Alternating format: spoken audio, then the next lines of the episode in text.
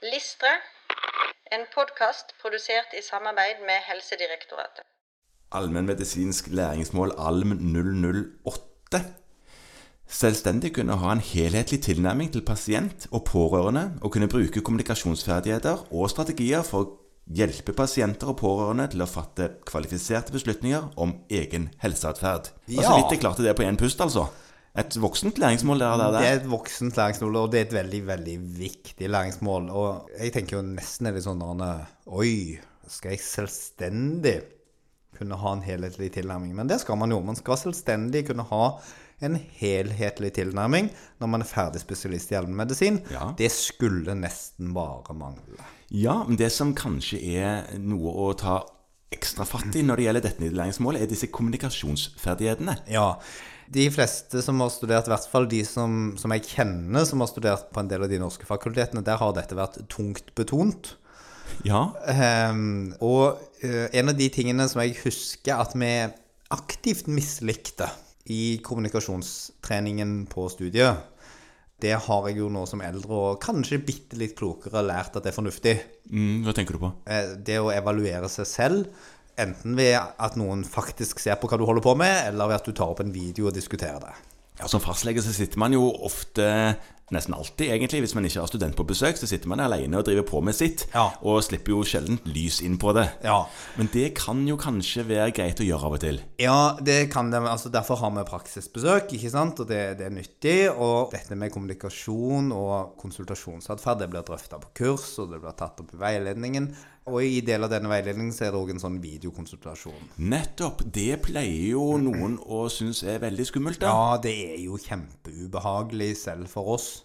Ja. ja. og se oss selv på video. Men det som er viktig med det, er at du kan ikke bli bedre til noen ting hvis man ikke kritisk evaluerer hva man holder på med. Og eh, det å kritisk evaluere seg selv er jo en sånn øvelse som vel egentlig bare diktatorer bør holde på med. Ja, ja. Altså, det, det her er veldig nyttig for å koke det bare rett ned til hva som er effekten av dette. Du, du får veldig mye igjen for å se på deg sjøl hva du holder på med. Ja. Mhm. Sånn at man må altså da tilegne seg sånn teoretisk kunnskap Ja. om hva gode kommunikasjonsferdigheter er, både med pasient og pårørende. Og hvis man ikke har den kunnskapen og kompetansen, så vil man aldri kunne veilede de i gode valg. Nei. Fordi at man når ikke inn. Nei, og det der er noen sånne teknikker man kan bruke der. eh, Massevis. Ja. ja. Og der kan man gå på kurs og lære dette her. F.eks. Ja, motiverende intervju, eller forskjellige typer. kognitive terapier Ja. Mm. og forskjellige ting.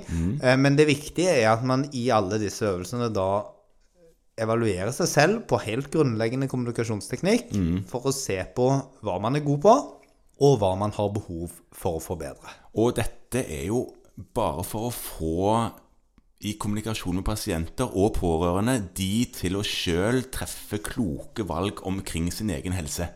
Ja, For det folk gjør jo veldig mye oftere det de sjøl har kommet på, enn det de har blitt fortalt. ja den tiden er nok godt eh, hvis den noen gang har vært. Ja, at, Der ja. pasienten gjorde det legen forteller Og dem. jeg tror den tiden var. Det var den tiden eh, i Det ville vesten hvor det var én lege og én prest og en begravelsesagent. Da gjorde folk det som legen sa. Ja, for ellers så ble du kunde hos presten og så begravelsesagenten. Ja, sant. Men det, sånn er det ikke lenger.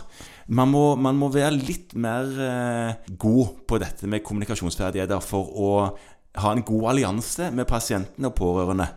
Man må rett og slett samhandle med pasienter. Rett og slett.